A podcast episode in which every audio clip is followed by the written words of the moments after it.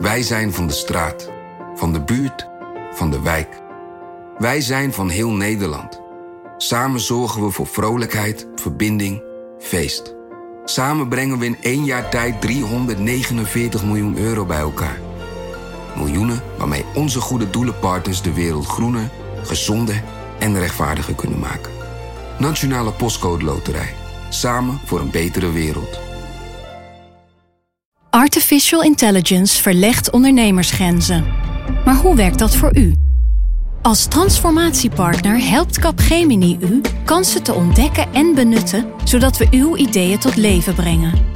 Vorm uw eigen mogelijkheden met generative AI. Ontdek meer op capgemini.nl/slash AI. Capgemini. Get the future you want.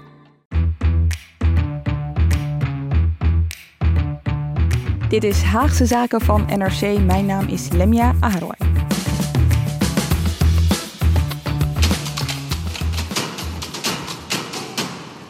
Hugo de Jonge.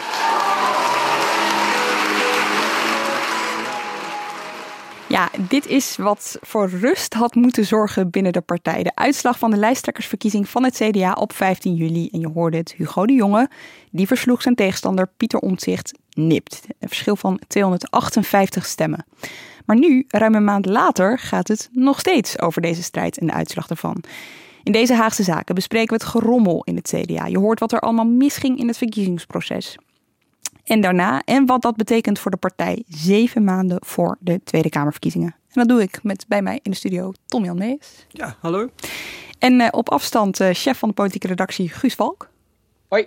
Ja, wij dachten we gaan op vakantie na die uh, 15 juli, maar um, er gebeurde van alles tussendoor. Hè? Ik bedoel, zijn, zijn jullie nog een beetje weg geweest? Hebben jullie nog een beetje kunnen genieten van even niks? Ik ben schaamteloos weg geweest. Oh, je hebt je niet laten leiden door... Uh... Nou, ik heb, uh, ik, uh, ik heb het wel een beetje gevolgd, maar niet, ik heb er niet over geschreven bijvoorbeeld. Dus ja, nee, ik was wel weg hoor. Goed? Nou ja, toen er een winnaar werd aangewezen, toen, toen zat mijn tijd in Den Haag er even op. Toen heb ik vakantie gehad en sinds ik terug ben is het weer bezig. Zo zie ik het maar. Nou het is in ieder geval genoeg voor, voor, voor nieuwe Haagse zaken over dit onderwerp. Laten we eventjes beginnen bij, uh, want het was wekenlang de vraag, wordt het Wopke Hoekstra of Hugo de Jonge? Dat is alweer een tijdje terug. Soms lijkt zoiets echt al jaren geleden terug. Maar uh, in juni zei Wopke Hoekstra zelf, minister van Financiën, ik heb hier eigenlijk helemaal geen zin in, ik doe niet mee. En daarna ontvouwde zich een hele andere strijd. Guus, zullen we even terug naar wat er toen gebeurde? Ja, er is een hoop, de hoop weer uh, om uh, na te vertellen inderdaad, want er is zoveel gebeurd. Uh, het, het, idee erachter was natuurlijk altijd een beetje dat, um, dat, dat zo zag het CDA dat ook, het CDA-bestuur althans, dat een lijsttrekkersstrijd op zich geen slecht idee is voor een partij als het CDA. het, dat, voorzitter, die, die vond ook echt dat het leidde tot meer media-aandacht, tot, tot, tot, tot debatten, misschien wel over de koers, over waar willen we naartoe. Het CDA heeft natuurlijk vaak een wat flats imago. Het kan natuurlijk opgepoetst worden in een, in een spannende strijd.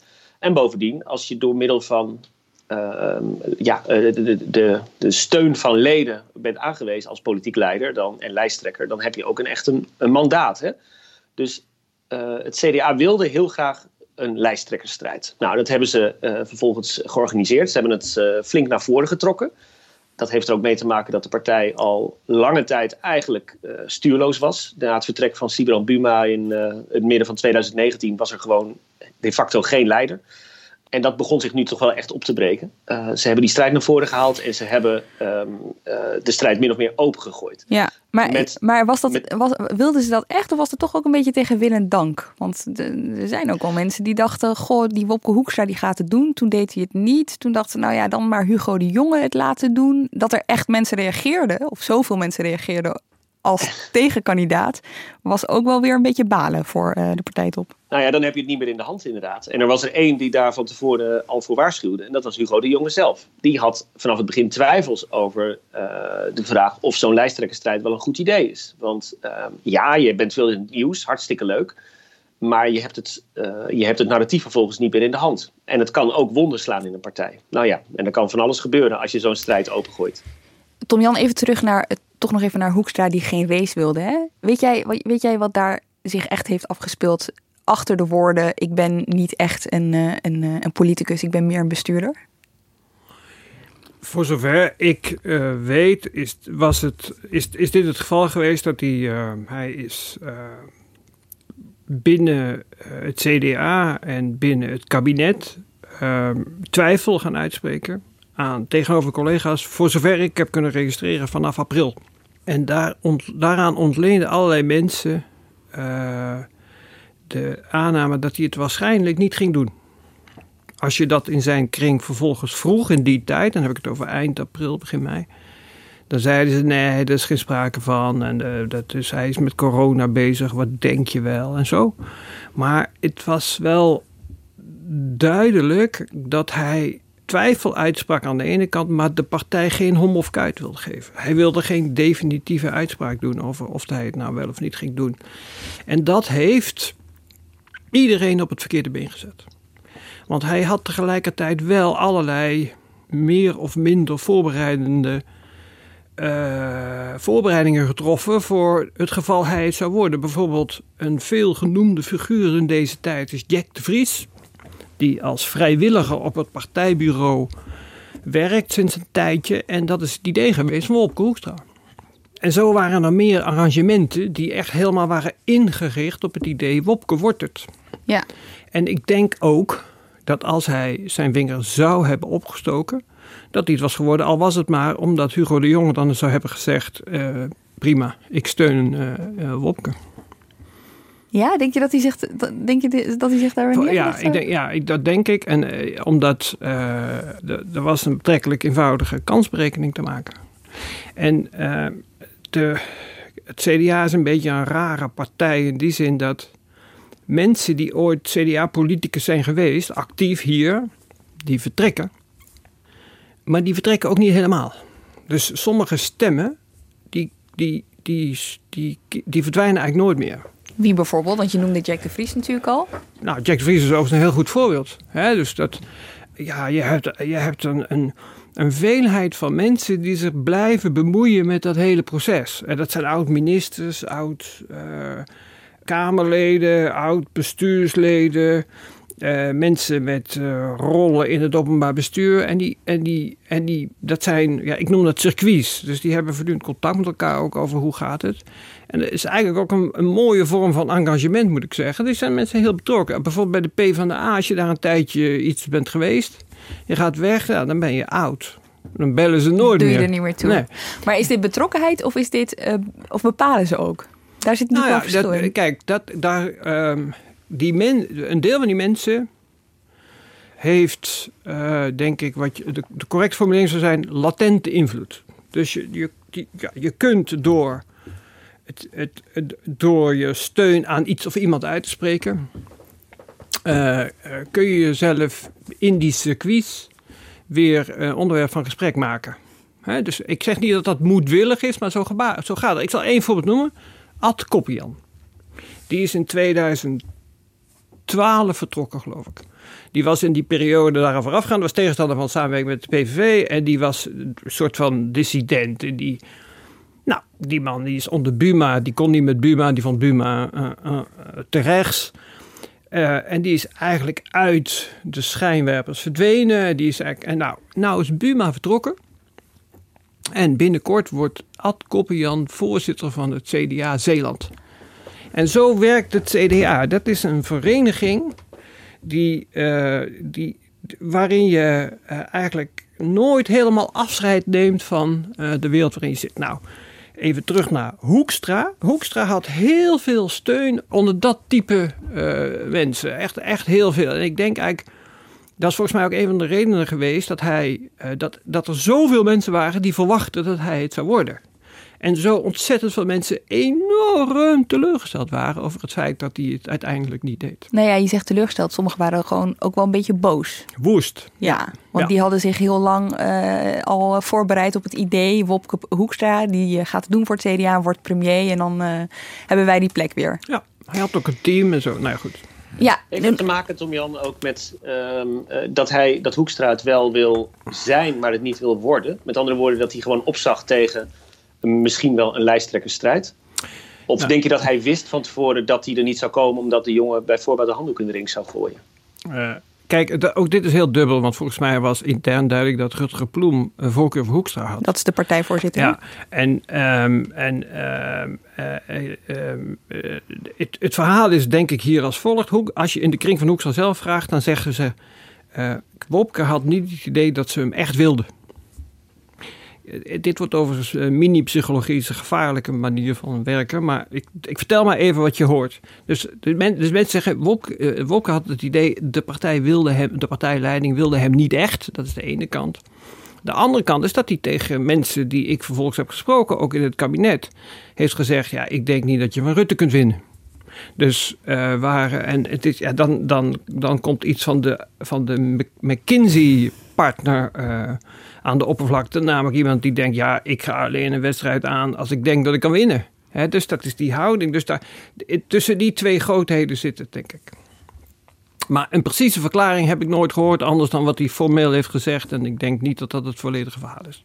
Nee, en dat, dat toonde misschien ook wel een beetje zijn reactie toen Pieter Omtzigt hem in zijn campagne een beetje ging noemen als degene die uh, het torentje in zou gaan als Pieter Omtzigt zou winnen. Hij reageerde daar toen op een gegeven moment op dat hij uh, altijd bereid was om uh, zich in te zetten voor het CDA, iets in die trant.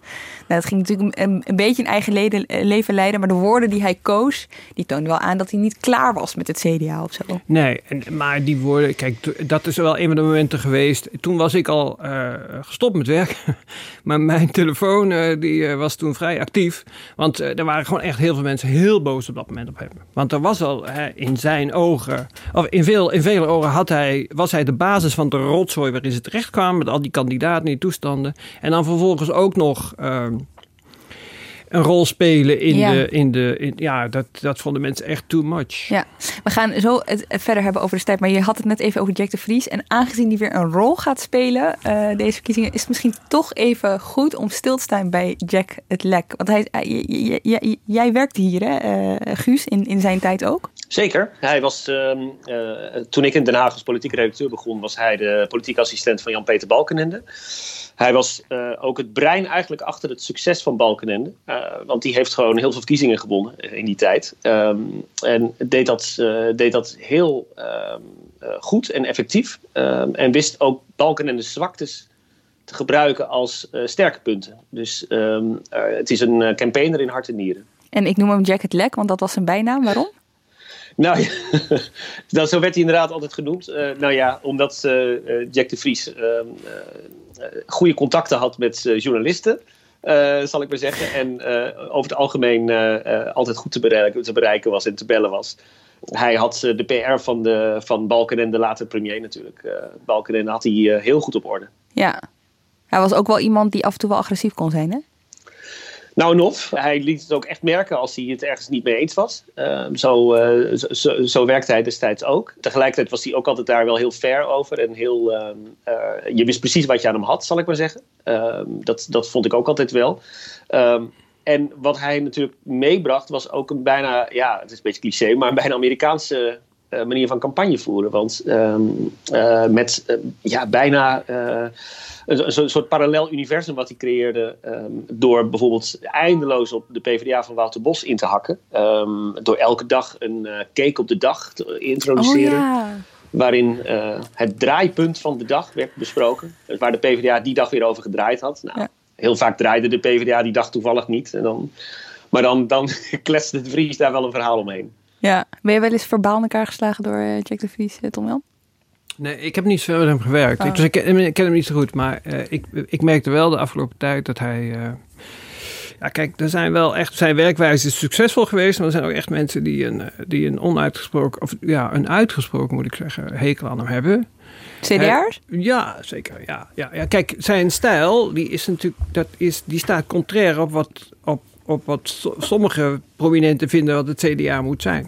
He, dus als jij een hele confronterende campagnestijl maakt dan, uh, dan doe je iets dat eigenlijk wezensvreemd is aan hoe, hoeveel CDA's vinden dat het CDA zich moet gedragen.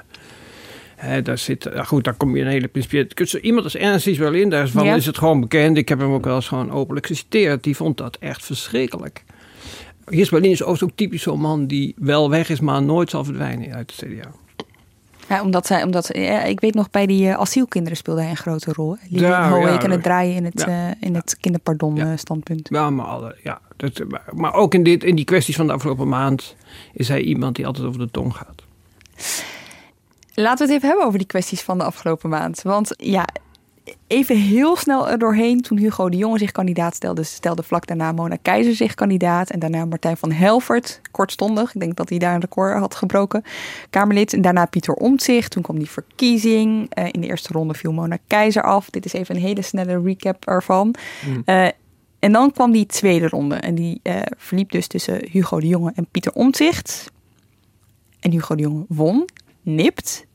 Had jij trouwens verwacht, eh, Tom Jan, dat het zo'n klein verschil zou zijn tussen de Jong en Omtzigt, 258 stemmen? Nee, ik wist het niet. Ik, heb, ik, ik, eh, ik had eerlijk gezegd verwacht dat de, de Hugo de Jong in de eerste ronde zou winnen. Eh zat hij ook niet ver vanaf. Eh, en de tweede ronde, ik bedoel, ik, je kon wel zien dat de kans groot was dat hij won. Want eh, ik bedoel, ongeveer alle Mona Keizer stemmers moesten naar eh Omzicht, wilde Omzicht nog kunnen winnen. Dat, ja, kans is natuurlijk niet zo groot. Maar ik, weet- ik had geen idee verder. Guus? Ik weet het niet. Ik had, eh, het, het viel me wel op bij CDA's van wie ik het niet verwachtte. Dat ze, eh, dat ze toch in het kamp omzicht terechtkwamen. Dus ehm, eh, hoe hoger in de boom je klom, hoe meer steun voor de jongen je hoorde. Maar ik dacht wel van, is er niet een soort onderstroom gaande die, eh, die, die, we, die we niet meteen heel erg in, op het netvlies hebben, maar die wel degelijk aan de hand is. Dus ja, ik wist natuurlijk ook niet wie er zou winnen. Eh, en, en ja, die 258 stemmen, dat had natuurlijk net zo goed de andere kant op kunnen vallen. Mm. Maar eh, dat, het, dat het close zou worden, dat had ik wel gedacht, ja. Ja. In drie weken tijd bijna de helft van de stemmen is toch best veel. Het zegt wel wat over de andere kandidaat, zou je kunnen zeggen. Maar goed, Ja. dingen die misgingen in de procedure, daar wil ik het even met jullie over hebben. Want dat, het is zeg maar, de wet van Murphy luidt dat als één ding mis is gegaan, dat daarna alles mis is gegaan. Nou, dat is hier wel een beetje eh, aan de hand geweest. Want het begon eigenlijk al in die eerste ronde, toen Mona Keizer nog in de race zat. Eh, iedereen had zijn blik gericht op die lijsttrekkersverkiezing en de leden mochten eindelijk stemmen. En toen Beste leden van het CDA, ik heb een belangrijke mededeling voor u. En dat is dat wij opnieuw gaan stemmen voor de lijsttrekker van het CDA. In de afgelopen dagen zagen wij zelf in onze systemen en werden wij ook door een externe hacker gewezen op het feit dat het stemproces niet helemaal betrouwbaar was. En dat kan niet. Wij willen een uiterst betrouwbare stemming. Daar is het veel te belangrijk voor. Ja, hier zagen we een eh, doortastende partijvoorzitter Rutger Ploem, hè? Tom Jan? Ja, nou ja, kijk, eh, op zich was dit, eh, als je dat overkomt, een keurige reactie natuurlijk. Dus ja, en ik, ik, ja, ik geloof wel dat. eh, ja, ik- heel veel mensen praten over ICT en heel weinig mensen hebben er verstand van. Dat is het probleem met dat hele onderwerp. Dus ja, en als het je overkomt, ja, wat, wat kan je doen? Ja, maar vanaf toen ging het eigenlijk eh, eh, vaker eh, mis, zou je wel kunnen, Ja. zou je wel kunnen zeggen. Voor, voor de partijvoorzitter zelf sowieso al. Want die zag sowieso gebeuren waar hij eigenlijk niet op had gehoopt. Met al die kandidaten en debatten die georganiseerd moesten worden. Wat niet helemaal debatten waren overigens. Nee. nee. Nou ja, die, kijk, die, die partijvoorzitter, maar dat is natuurlijk de episode nadat Hoekstra afzegt. Dan, ja, die, die, dan, dan verliest hij gewoon de regie over het hele proces. En dat komt natuurlijk vooral omdat Omtzigt uiteindelijk kandidaat wordt. Want dan, ja, kijk, met Van Helvert en Keizer als tegenkandidaten had eh, de jongen, vermoed ik, echt heel gemakkelijk de eerste ronde gewonnen. En dat was natuurlijk wel het spelletje waar ze op uit waren. En het was niet de bedoeling dat het allemaal zo ingewikkeld zou worden. Ja, ja. Wat zegt het dat hij, niet, dat hij geen idee had dat Omtzigt het zou doen? Nou, ik denk, ik zeg dat heel veel mensen geen idee hadden. En eh, achteraf is wel vast te stellen dat hij, eh, dat hij er al langer mee bezig was en zo. En eh, contacten. En, Je bedoelt. Omtzigt? Omzicht, ja. Ja. Maar ik denk wel dat heel veel mensen in de top totaal overvallen zijn over het feit dat hij het, dat hij het plan had. En dat komt omdat ze hem... Kijk, Omzicht wordt als Kamerlid gewaardeerd. Dit is een razend slimme man. Eh, dus die, die, die, eh, eh, die heeft zijn. zijn, zijn er is vaak gedoe over hem. Dat, komt, dat heeft te maken met meer zijn gedrag dan zijn optreden in de Kamer. Eh, mm, maar mensen zien in hem echt, heel veel CDA's zien in hem geen partijleider Nee. Omdat hij betrekkelijk emotioneel is en omdat hij eh, zelden of nooit eh, laat merken dat hij iets anders dan een solist is. Dus dat is gewoon, ja, vandaar dat heel veel mensen niet ingetuned waren op het idee, nou, die wordt leider. Of die wil het worden. Ja. Vandaar de verrassing. Ze noemden hem steeds in de wandelgangen, CDA'ers die er belang bij hadden hoor, eh, dat hij zo onvoorspelbaar was, die Ja. omzicht. Ja. Dat ging ook een eigen leven leiden op een gegeven moment. Hè? Want dat zag je op een gegeven moment ook overal terug. Die, die eh, omzicht, ja, die, die, daar, je weet niet of je daar wel op kan rekenen. Nou, kijk, wat ook, bij, wat ook om omzicht hangt altijd is. ehm, ehm, kijk, omzicht is echt, is echt een hele slimme man. En die ervaart de politiek, denk ik, heel vaak als volgt. Heel veel mensen die veel minder slim zijn en veel minder kunnen. Die lopen hem voorbij. Of die krijgen aanzien omdat ze aardig zijn tegen de partijvoorzitter. Of omdat ze Handig zijn. eh, handig zijn. Of omdat ze allemaal dingen doen die geen moer met politiek te maken hebben. Hebben maar met beeldvorming of een trucje of dit of dat. En daardoor voelt Omzicht zich vaak buitengesloten. Dat is eigenlijk story of his life, denk ik wel eens. En dat speelt, die, dat, dat aspect van zijn karakter speelt een heel grote rol in wat we de afgelopen maand hebben gezien. Dus, dat, dus nadat de jongen wint, is, eh, dan maken ze Omzicht eh, running mate. Dat, is al, dat gebeurt al een beetje halfhartig, want de jongen wilde het afhankelijk helemaal niet. En, dan- en dan toch weer. En dan, Of wilde hij dat niet? nou, de jongen aarzelt. Dus dat wordt voorgesteld op de ochtend van de verkiezing. En Van de zegt- uitslag bedoel je? van de uitslag, Ja. sorry. En dan zegt hij niet meteen ja. En dan, dan, dan ja goed, dat roept op zich twijfel op. En dan, en dan daarna ehm, eh, eh, eh, breidt zich dat uit. En dan is de jongen degene die eigenlijk de grote stap richting om zich moet zetten. Van we gaan nu even organiseren hoe jij mijn running mate wordt. En dat gebeurt in de ogen van omzicht veel te ruim voldoende. En dan voelt hij zich opnieuw buitengesloten en dan krijg je al dat gedoe. Ja, er was ook echt gedoe over. Want Guus, we waren erbij, hè, die 15 juli. Waar ze, waar ze overigens een hele show van hadden gemaakt. Ik bedoel, eh, daar was wel eh, goed op gelet. En het was eh, Hugo de Jonge die op het podium in zijn, zeg maar, in zijn, eh, hoe noem je dat? Acceptatiespeech tegen eh, Omtzigt zijn running mate noemde. En Pieter, ik heb ongelooflijk veel zin om na die strijd die we achter ons hebben, de strijd aan te gaan richting maart 2021. En ik weet zeker dat wij samen een heel mooi team gaan vormen. Ik mag dat doen als lijsttrekker. Jij gaat dat doen als running mate. En dat is fantastisch. Ehm, en ik heb er heel veel zin in toen om samen... liepen we dat podium af hierna. En eh, Pieter Omtzigt die stond daar klaar om met de pers te praten. En een van de eerste vragen die hij kreeg was... Goh, eh, u bent nu eh, running mate. En toen zei hij... Ja, ik hoor het ook net pas. en toen dacht ik, wat is dit nou? Dus ik schreef dat op, eh, uiteraard. En daarna werd ik door eh, Pieter Omtzigt benaderd. En die zei, nee, dat heb ik helemaal niet gezegd. Ik zei, nou, ik heb het opgenomen, dus je hebt het wel gezegd. Ik had daar heel erg het idee dat het plotseling was gegaan. Dat hij het echt vlak van tevoren of zelfs pas op het podium had gehoord. En dat dat ook een manier was om hem te vertellen... je telt nog mee. Dus nu niet eh, je, eigen, je, eigen, je eigen verhaal gaan vertellen. Nou, kijk, over die ochtend gaan echt heel veel verhalen rond. En, het, en, is dat gedoe over die, die, die, die, die onheldere, dat onheldere stemproces speelt dan ook al. Ja. Eh, maar eh, ja, goed, ik heb mensen gesproken die erbij waren en die zeggen, ja, kijk, het, het idee is, is de jongen meteen voorgelegd toen duidelijk was wat de uitslag was. Van, Door wie? dat weet ik eigenlijk niet. Althans, dat weet ik niet zeker. Mhm. Ik vermoed de voorzitter, maar dat weet ik niet zeker.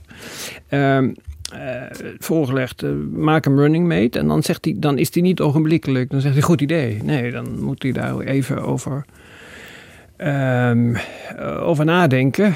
En, en dan, En weet je waar zijn twijfel lag? Waarom hij daarover na moest? nou kijk, hier kom je echt in de wereld van de enorme speculaties. Ja, eh, hoe word je partijleider?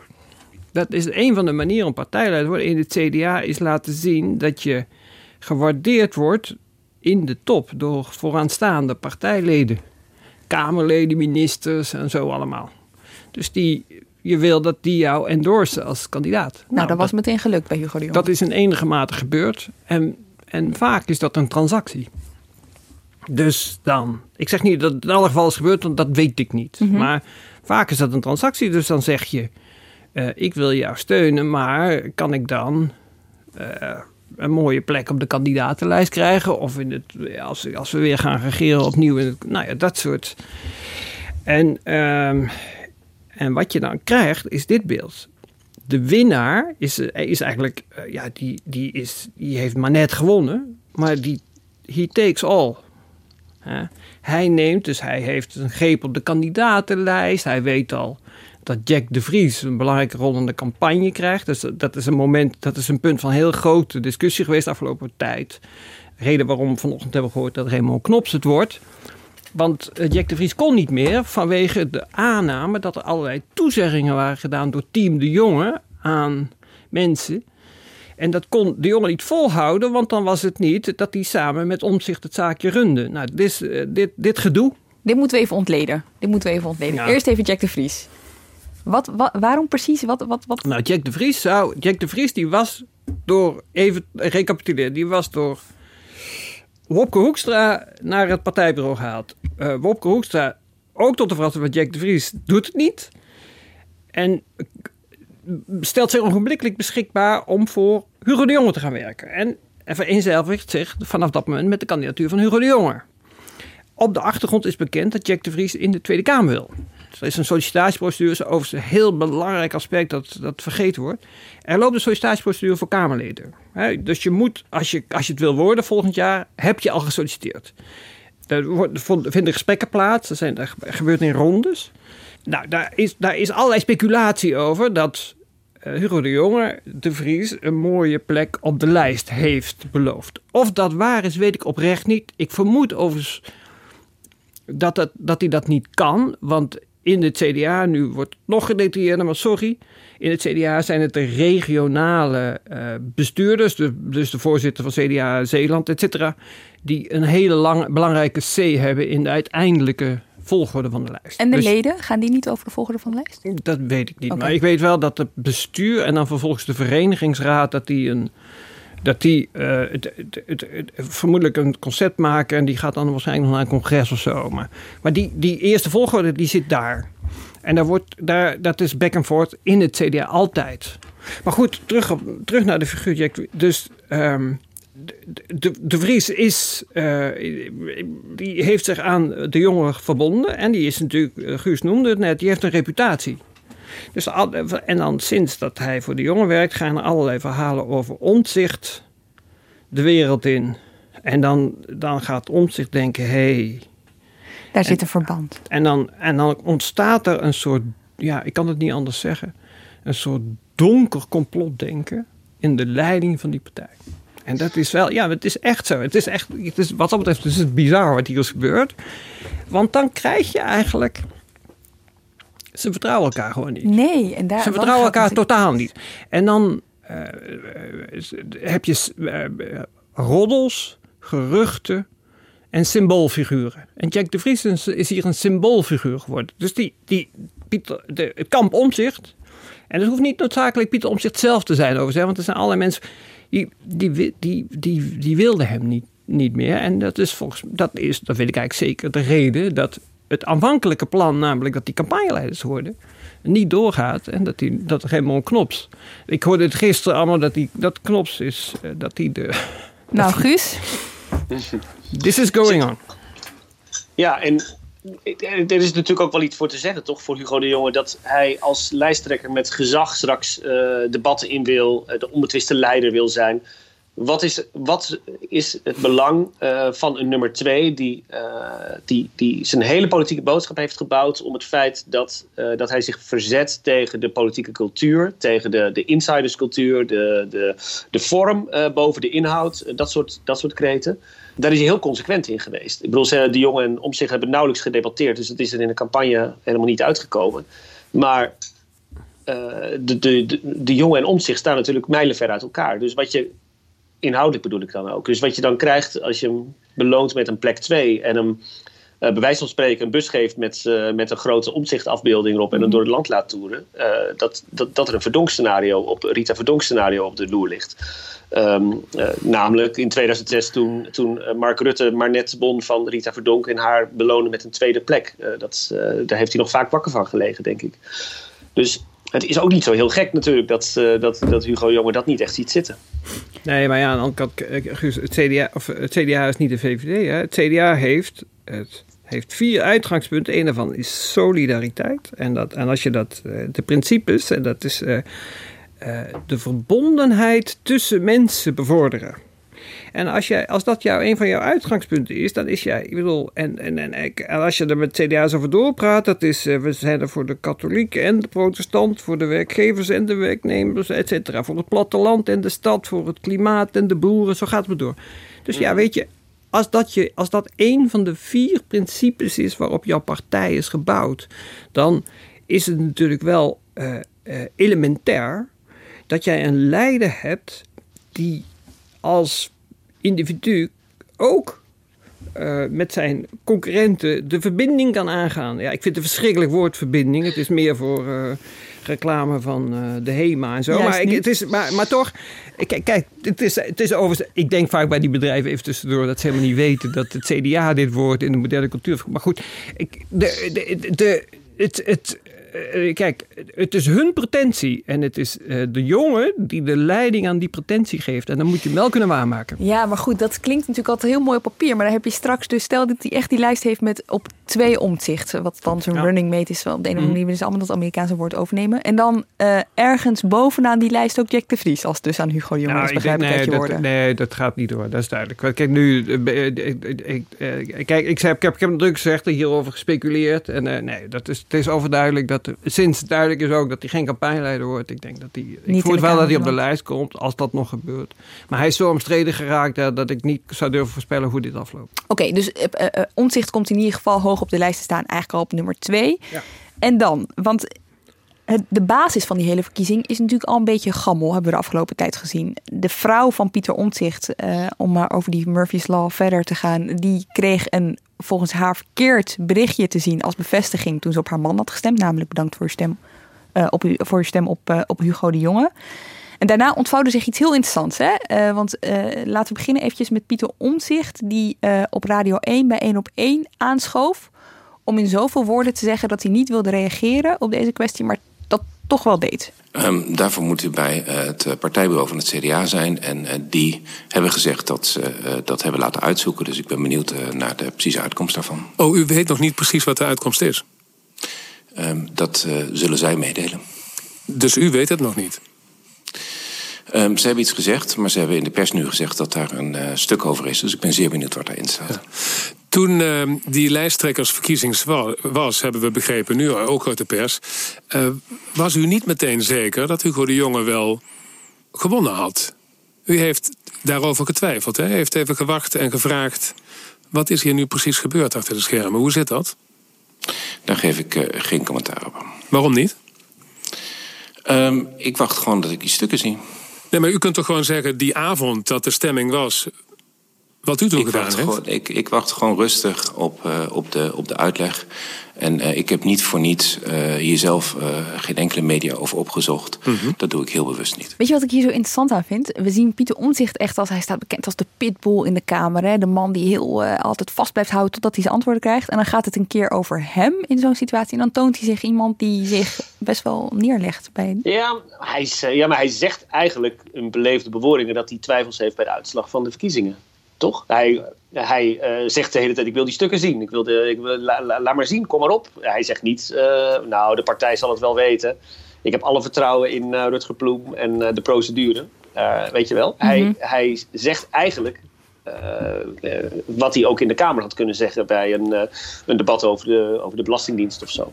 Um, dit is wel klassiek omzicht. Vind ik vind ik. hem daar, ik vind hem in de Kamer toch wel wat feller klinken, wat, wat uitgesprokener in plaats van. Nee, maar is, ik vind dat je dat. Nee, kijk, die Kamerleden die zijn allemaal getraind in de mededeling. Dit is een interne zaak, zeg ik niks over. Dat als je hier rond gaat lopen en je doet het een jaar, dan ben je verveeld door de opmerking. Ze doen het voortdurend. En Pieter Omzicht heeft dat in zijn leven een miljoen keer gedaan. Dus dat moest hij hier ook doen. Het was een goede interviewer, dat, dat hoor ik ook wel. Maar hij moet natuurlijk gewoon zijn mond houden. En het feit dat hij dat niet doet. Ja, kijk, dit is iemand die leider wilde worden. Maar volgens mij ben je dan echt ongeschikt als leider. Als je dat zo bazaal niet kunt. Je moet gewoon kunnen zeggen. Sommige dingen in de politiek niet kunnen zeggen. Dat is dat hele werk. En overigens is het ook elementair in de in hoe het CDA altijd heeft geopereerd. Die mensen die, hebben, die, zitten, die zitten al honderd jaar in het hart van het bestuur. En dan hoort dat er gewoon bij. En dan kun je tegen zijn of vervelend vinden of onjuist, dat is prima. Maar dit is gewoon part of the deal. Ja, maar het is wel ongemakkelijk als je een Kamerlid altijd in felle bewoordingen organisaties die zich op dezelfde manier uh, opstellen, hè, hoort bekritiseren in de Kamer. Vaak met emoties. En dat je dan hetzelfde moet gaan doen. Dat, je, ziet het ook, je ziet het ook online, krijgt Pieter Omtzigt veel reacties op als en tweets tegenwoordig. Uh, en dan zie je ook deze reactie erop. Ja, hoe kan het nou dat je je altijd als die pitbull tussen aanhalingstekens opstelt? En dan, ja, maar kijk, maar, maar, jij laat dit fragment nu horen, maar de, het, effect van dit fragment was dat, dat in het nieuws kwam. De, de NOS had het de hele dag voor op de, op de website staan. Eh, Omzicht vraagt eh, opheldering aan de partij over de stemprocedure. Dat was effectief, zeg jij? Nou ja, effectief zeg ik dat of, het, of die dit nou wilde of niet, dat kan ik eigenlijk niet beoordelen. Maar dat is het effect. En dan betekent, ja, weet je, dan, kijk, voor de, de meeste mensen hebben dat interview natuurlijk niet gelezen. En maar Pieter Omtzigt, die, werkt, die loopt hier natuurlijk wel lang genoeg mee om te weten wat het effect van zekere uitspraken is. Ja. Dus die kon dit voorzien. Dit is echt niet, het is nou niet zo dat hij nooit met journalisten omgaat. Hè? Dus, dus hij, hij, hij kon voorzien dat dit het effect was. En als je, als je een leiderschap in een partij uh, ambieert, of hebt geambieerd, dan moet je weten dat je dan gewoon strak moet zijn en zeggen: Ik zeg er niks over. Die andere tegenkandidaat, uh, Mona Keizer, die uh, voegde zich een dag later ook aan het lijstje van oud-kandidaten die opheldering wilden. Volgens mij is de uitslag zoals hij is. Alleen als er op een gegeven moment vraagtekens bij te zetten zijn, moet je dat gewoon goed uitzoeken om ook die discussie te beëindigen. Ja, maar denkt u dat er vraagtekens bij te zetten zijn? Ik vind het wel bijzonder als ik lees dat er dus uh, pop-ups zijn geweest uh, die een ander um, beeld geven dan wat je gestemd uh, hebt. Nou, daar moet inzage in gegeven worden, ook in het onderliggend systeem, om gewoon een einde te maken aan deze discussie, zodat we als CDA volle kracht vooruit kunnen gaan en Nederlands kunnen gaan overtuigen. Ja, dit was afgelopen vrijdag bij de NOS na de ministerraad. En na Mona Keizer kwam Hugo de Jong voor dezelfde Kamerraad staan. Volgens mij is er geen twijfel. Uh, de bestuur is daar heel duidelijk in geweest. Het bestuur heeft een hele nette procedure ingericht. Heeft allerlei checks en balances ingebouwd. Uh, heeft dat ook door een notaris laten toetsen. De uitslag is vastgesteld. Dat was die uitslag. We moeten nu onderweg naar een volgende uitslag. En die vraagt al onze inzet van al onze leden. En van alles en iedereen die bij die campagne en bij het programma betrokken is. En daar gaan we gewoon mee aan de slag. Er is werk aan de winkel. U, ja, en wat vindt u ervan dat Mona Keizer toch het naadje van de kous wil weten? Echt aan hen en echt aan het bestuur. Wij moeten aan de slag met ons verhaal eh, voor 2021. Met onze campagne voor 2021. En Loopt daar u dan voor de voeten nu? energie op gericht. Nee hoor, helemaal niet. Nee hoor, helemaal niet. Guus, hij klonk redelijk uh, kwaad hier hè? Ja, hij klonk uh, getergd ja, als ik dit zo hoor. Maar ja, dat snap ik ook wel. Het, het, dit, dit, dit, ondergraaft zijn mandaat. Dit is, hij komt op een gegeven moment in een situatie terecht dat, uh, dat het linksom of rechtsom, dat het altijd nadelig voor hem uitpakt. Want ofwel ze gaan de, de uitslag opnieuw onderzoeken en heroverwegen. Nou, dat is, dat is nooit, nooit prettig voor een winnaar. Ofwel, ze laten alles wat het is en er blijft altijd een, een, een, geur omheen hangen. Dus het is, ja, het is een beetje, ik, ik noemde het een catch-22 toen dit speelde. Hij zit een beetje klem hier eigenlijk. Kijk, we moeten ook niet helemaal vergeten dat het niet Hugo de Jonge is geweest, die, die krijgt heel veel over zich heen. Maar het is niet Hugo de Jonge geweest die deze mhm. procedure heeft verzonnen in zekere zin is hij ook een, uh, ja, uh, een, een, een, toeschouwer hè, in, ja. dit, in, dit, uh, in dit verhaal. Even naar de man die de procedure wel heeft verzonnen. Dat is dus de partijvoorzitter, Rutger Ploem. Hè. Um, het viel mij op dat ze, het partijbureau echt heel erg krampachtig reageerde op alle vragen die binnenkwamen over die stemprocedure. Eigenlijk wilden ze gewoon helemaal niks zeggen. Sterker nog, op het moment dat ze aankondigden dat er een onderzoek zou komen, of eigenlijk al was ingesteld, hè, daar kwamen ze dinsdag mee, wilden ze niet eens zeggen welke vragen ze hadden gesteld in dat onderzoek. Wat ze boven tafel wilden hebben. En later heb ik me uit laten leggen dat dat kwam omdat dan anders, dat was de redenering, ja, dat dan uh, het publieke debat die vraag onder de loep zou nemen, terwijl er nog geen antwoorden waren, uh, waren. En dat zou dan het onderzoek moeilijker maken. Omdat je dan altijd meer vragen erbij kreeg dan wat je aan het onderzoeken was. Nou, doe er je voordeel mee, jongens. Dus kritisch denken, dat was niet, uh, niet de bedoeling. Goed, um, eventjes naar Rutger Ploem. Want die zei wel iets heel erg interessants voordat die uh, uitslag van dat onderzoeker kwam. Wij staan nog steeds achter de uitslag. Het gaat over vragen rond het stemproces.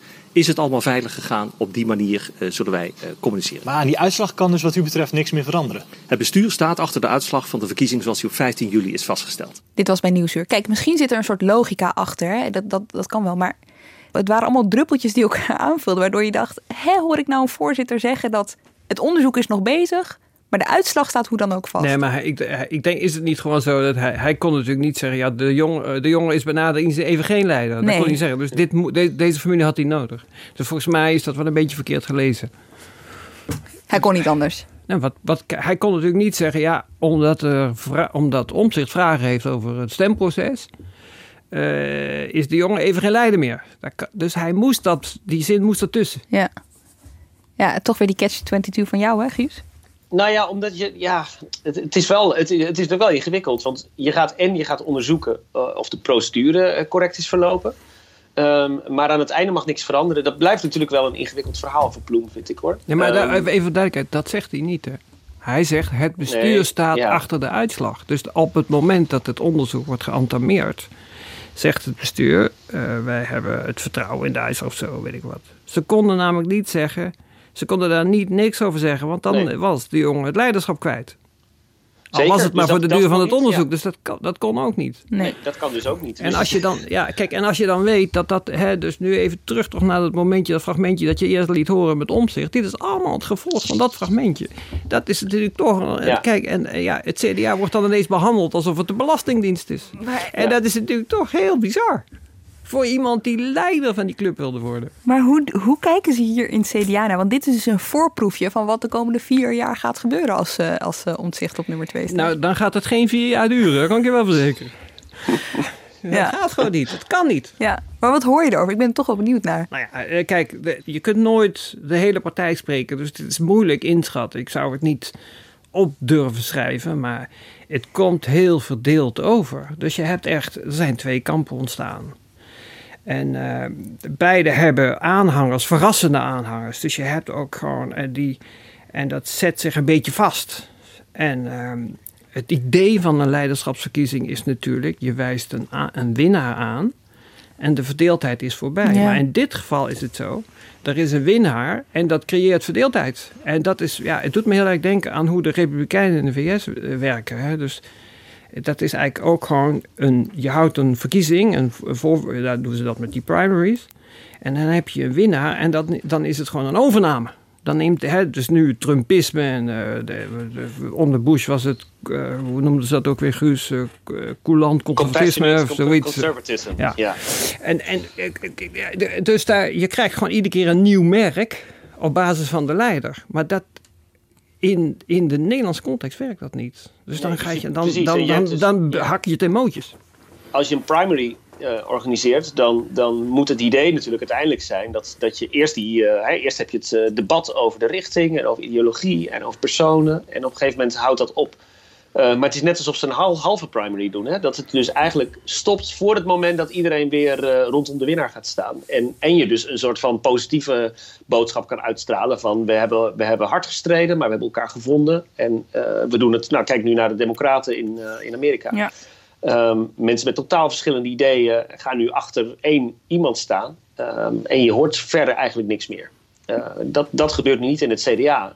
Ergo, er is dus nu nog steeds een verdeelde partij en die blijft verdeeld. Ja, en, en daarna zie je dus wel de partijleider en de partijvoorzitter steeds weer in die camera's zeggen: Nu gaan we ons richten op de verkiezingen van 2021. Weet je wel, ik zie dan die meme achter vormen van dat hondje met, in dat brandend huis, als je snapt wat ik bedoel. Goed, deel van de luisteraars zullen het begrijpen, maar. Nou, ik heb zelf wel eens eh, dat, ik, dat ik achteruit eh, in een eh, nauw straatje rij en, en op een gegeven moment moet, moet keren. En, en stem, bij elke beweging die je maakt, kom je meer vast te staan. Dat, dat gevoel heb ik wel eens bij het CDA in dit dossier. Ik wil het nog wel even met jullie over Rutger Ploem hebben, de partijvoorzitter. Want eh, deze week, eh, tussen alles door, was er ook een heidag van het CDA in Burgersoe, eh, diertuin in Arnhem. Toch wel een mooi decorum voor zoiets. Met, nou ja, daar kun je echt een heleboel grappen over maken. En van wat ik begreep is daar in, de, in, een, in, een, in een vergadering die ze hadden met de fractie en, en, en Ploem... is hem verweten weinig in beeld te zijn geweest toen het zo moeilijk ging met de partij. En ik moet er vaak aan denken, toen hij binnenkwam, eh, toen hij het overnam van eh eh, Peet Oom, Rut Peet Oom, de vorige voorzitter. Toen kwam hij binnen zo van, oké, ik ga hier even de orde op, orde op zaken stellen en deze partij richting de verkiezingen 2021 brengen. Nou, dat laatste, dat, dat gebeurt wel, maar niet helemaal op de manier waarop het was gepland. Kijk, ja, om te beginnen, de kandidatenlijst moet wo- nog worden samengesteld, vastgesteld, definitief. Daar speelt hij natuurlijk een cruciale rol in. Dus voor die tijd is hij onbedreigd, denk ik. En daarna, eh, ja, eh, heel veel risico's voor hem. Maar ja, het is echt volgens mij in het CDA, als ze de traditie eh, vasthouden, wat je niet weet, maar kijk, als ze dan een, eh, een zware verkiezingsnederlaag met een nieuwe leider eh, leiden, dan eh, is het doorgaans de partijvoorzitter die geofferd wordt. Dus ik denk dat ik zou vermoeden dat hij tot 21 maart 2021 wel veilig zit. Heel veel belang, nog meer dan normaal voor een partijvoorzitter, dat het straks goed gaat met het CDA. Ja. Ja. Oké, we hebben dus Hugo de Jonge, die blijft het denk ik wel gewoon doen. Hè? Daar kunnen we wel gewoon, daar zijn we het wel over eens. Ik, ik weet het niet. Ik, Serieus? Nou, ik bedoel, ik, ik, ik, eh, ik denk wel dat het voor hem heel zwaar is. Echt, echt heel zwaar. Zoals de afgelopen week. Dan heb je dus. eh, je hebt natuurlijk, hij moet corona doen. De begroting is echt een verschrikkelijk ingewikkelde toestand. En ook met dat steunpakket erbij. En dan deze toestand, die, die, die, ja, dat gedoe, eh, o- daar ook nog overheen. Waarbij natuurlijk toch gewoon de, de onderliggende vraag is: ben jij de geschikte leider? Nou, dat is wel heftig hoor. Maar goed, ik, ik heb ook bewondering voor mensen die dat dan volhouden, moet ik ook wel zeggen. Maar heb je enige aanwijzingen dat hij eh, daar nu over aan het mopperen is? Nou, Of, er eh, wordt ook gespeculeerd, maar ik weet niet of, of het ook werkelijk, of die dat ook wel- werkelijk in zijn hoofd heeft. Jij? Ik kan me niet voorstellen met alles wat hij tot nu toe heeft gedaan. Maar, Om het nu, eh, En- Guus? En ik kan me ook voorstellen dat hij denkt het ergste is achter de rug. Eh, met, eh, met, met, met de begroting loopt het wel los. Ehm, eh, dat, dat loopt eigenlijk best vlot. De, de, de, de ergste interne strubbelingen zijn voor nu even opgelost. Vanaf nu kan het alleen maar beter worden. Dus misschien dat hij, dat hij denkt dat het ergste achter de rug is. Maar ik weet het ook niet hoor. Weet je wat me wel opviel? Hij staat natuurlijk in een, voor een deel van de Nederlanders staat hij nu voor eh, heel veel negatiefs. Hè? Als je kijkt naar eh, dat viruswaanzin en dat soort gebeuren. Ik bedoel, eh, noem Hugo de Jong en dan komen woorden als deep state en nou ja, noem maar op. En ehm, daar heeft hij, als je op zijn, zijn Twitter-timeline kijkt bijvoorbeeld, echt ieder tweetje dat hij plaatst, daar komen de, 20 complotten onder te staan, minstens. Ik dacht wel van eh, die, die hele verkiezing nu, en je ziet het ook een beetje in de reacties op omzicht. Voor, voor een deel, voor een deel van, van, eh, van de Nederlanders zal dat hem nog meer in een hoek duwen van iemand die totaal niet te vertrouwen is. Het is een beetje moeilijk om, om uit te leggen, maar snap je wat ik bedoel? Dat Ja, hij wordt op, op, geen stel wordt hij eh, Hugo Schenko genoemd. Eh, waar, daar wordt de, de suggestie gewekt dat hij persoonlijk de hand heeft gehad in de, in, in de, in de CDA-lijsttrekkersverkiezing. Ehm, het is inderdaad een, een beeld waar het heel lastig tegen vechten is. Maar wat hem misschien op den duur nog niet eens zo heel erg nadelig voor hem is. Want dat zijn toch zijn kiezers niet, denk ik. Ehm, nou, dus ik, ik vermoed dat, dat dat hem nog wel, eh, dat, dat hij dat wel kan hebben. Ja, ik kan me voorstellen dat het persoonlijk wel wat met je doet. Zeker, zeker. Eh, die man krijgt veel over zich heen. En eh, eh, ik, ik, ik ben blij dat ik eh, zijn baan niet heb. Maar ik, zijn, kijk, alle, eh, corona is alles bepalend voor zijn imago. Hij krijgt nergens gewoon hogere kijkcijfers dan door die persconferenties. Dus, dat is, eh, dus, dus dit soort dingen, dat is er allemaal wel. En, het, eh, en ik, ik kan me wel voorstellen dat het persoonlijk heel ongemakkelijk als je dat ervaart. Maar dat is toch niet heel erg bepalend, denk ik. Ik denk wel die, eh, die noodwet, dat, daar, daar, daar is wel echt het gezicht van. En het verzet tegen de noodwet gaat veel verder dan alleen eh, eh, viruswaarheidachtige groepen. Dat is een veel breder, ehm, nou, eh, ja, het begint een veel bredere basis te krijgen. En ik denk ook in de CDA-achterban is daar best sceptisch over. Dan moet hij toch nog wel met een, eh, daar, daar, daar moet hij nog wel echt mee de boer op. Ik denk dat dat nog wel een eh, lastige voor hem wordt in Ja. de campagne. En ehm, laten we het nog even kort over die campagne hebben. Want Raymond Knops gaat het dus doen. Hij is staatssecretaris van Binnenlandse Zaken en eh, Koninkrijksrelaties. Komt vaker voor dat een zittend bewindspersoon ook campagneleider wordt? Oeh. Eh, dat, ik, ik, dat, eh, ik zou zo snel niet. eh, Het zijn vaak Kamerleden hè, die dat doen. ja, of, of, of, of eh, Externe. partijvoorzitters. Bij de PvdA is het eigenlijk altijd de voorzitter. Ik zit even hard op te denken wie de vorige campagneleider van het CDA was. Eh, het eh, schiet me niet binnen en dat zegt toch wel iets. Volgens mij was dat geen zittend politicus. Geen beroepspoliticus, maar ik weet het eigenlijk niet meer. Ja, ik vind het wel interessant namelijk dat ze voor, zo, voor zo'n keuze gaan. Ja, maar goed, Knops is wel echt het resultaat van de discussies die er over Jack de Vries zijn Ja, geweest, ik net heb verteld. Ja, ja, ja. Oké, en ehm, er zullen in ieder geval een aantal partijen zijn die blij zijn dat ze, hè, die nu naar het CDA kijken en blij zijn dat ze zelf niet in dezelfde strijd tussen kandidaten voor het lijsttrekkerschap ehm, verzaakt zijn geraakt. Hoe bedoel je blij? Nou ja, kijk naar D66. D66 die, of- eh, die, die, eh, ik bedoel, die hebben natuurlijk nu een beetje een, eh, ja, een, een, een, nepverkiezing, met alle respect voor Ton Visser. Maar eh, die hebben dat, dat, dat, dat effect, zeg maar, dat primary effect, dat iedereen rondom één kandidaat gaat staan, die toch ook niet helemaal onomstreden is in eigen kring. Uh, dat hebben ze nu al. Dus ze kunnen intern in ieder geval uh, de, de, rust bewaren. Ja, maar goed, nou, dit is ook weer wel. Ik krijg nul publiciteit van Sigrid Kaag de hele zomer.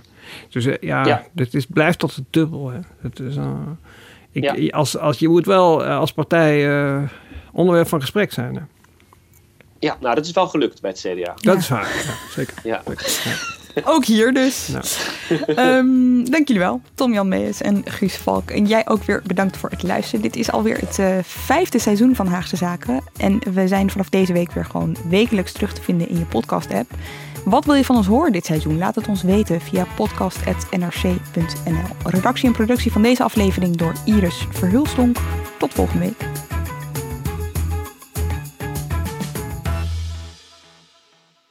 Je hebt aardig wat vermogen opgebouwd. En daar zit je dan, met je ton op de bank. Wel een beetje saai, hè? Wil jij, als belegger, onderdeel zijn van het verleden of van de toekomst? Bridgefund is een slimme fintech die een brug slaat tussen de financiële behoeften van ondernemers en van beleggers.